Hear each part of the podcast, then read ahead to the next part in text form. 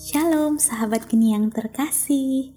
Saya Beatrix Violeta Esti dari Persekutuan Doa Santo Don Bosco Paroki FX Kuta merasa berbahagia sekali boleh menemani sahabat geni kembali. Hari ini Selasa 19 Januari 2021 di mana gereja mengajak kita untuk merenungkan Injil Markus bab 2 ayat 23 sampai 28. Sabat menjadi hari istimewa dan mendapat perhatian yang khusus karena merupakan salah satu dari 10 perintah Allah. Dalam hukum tersebut dijabarkan berbagai aturan secara detail. Dengan pemahaman tersebut, tidak heran jika orang Farisi menegur Yesus karena murid-muridnya berjalan di ladang dan memetik bulir gandum pada hari Sabat. Dalam teks Injil hari ini, seolah-olah Yesus melanggar peraturan. Tapi ada hal yang harus kita sadari.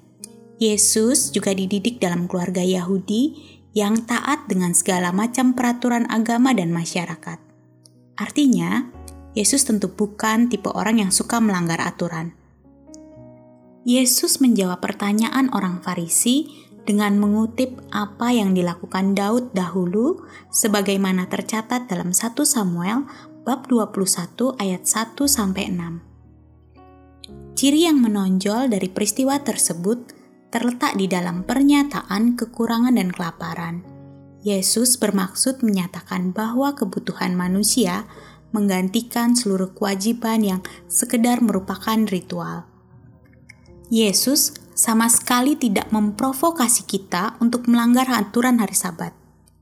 Yesus menawarkan suatu prinsip baru yang harus berada di atas segala peraturan dunia, yaitu cinta kasih kepada sesama.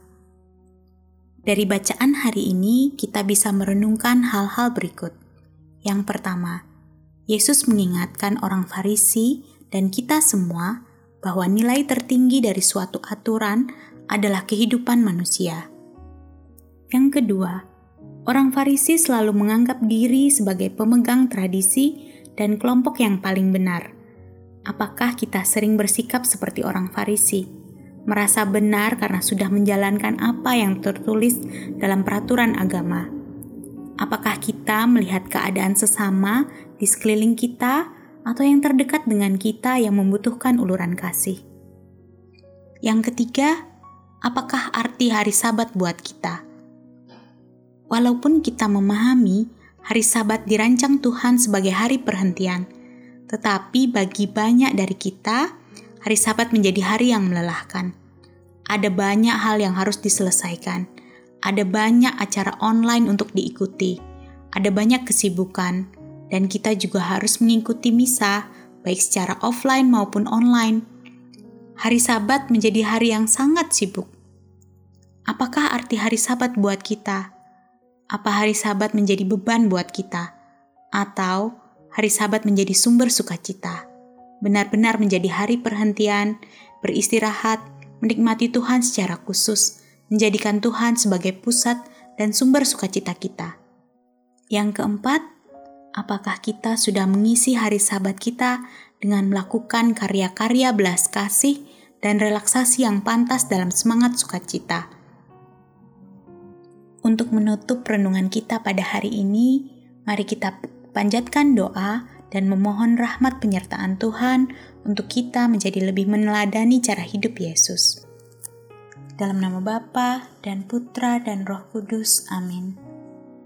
Allah Bapa di surga, kami ucapkan terima kasih untuk penyertaan-Mu sampai pada hari ini.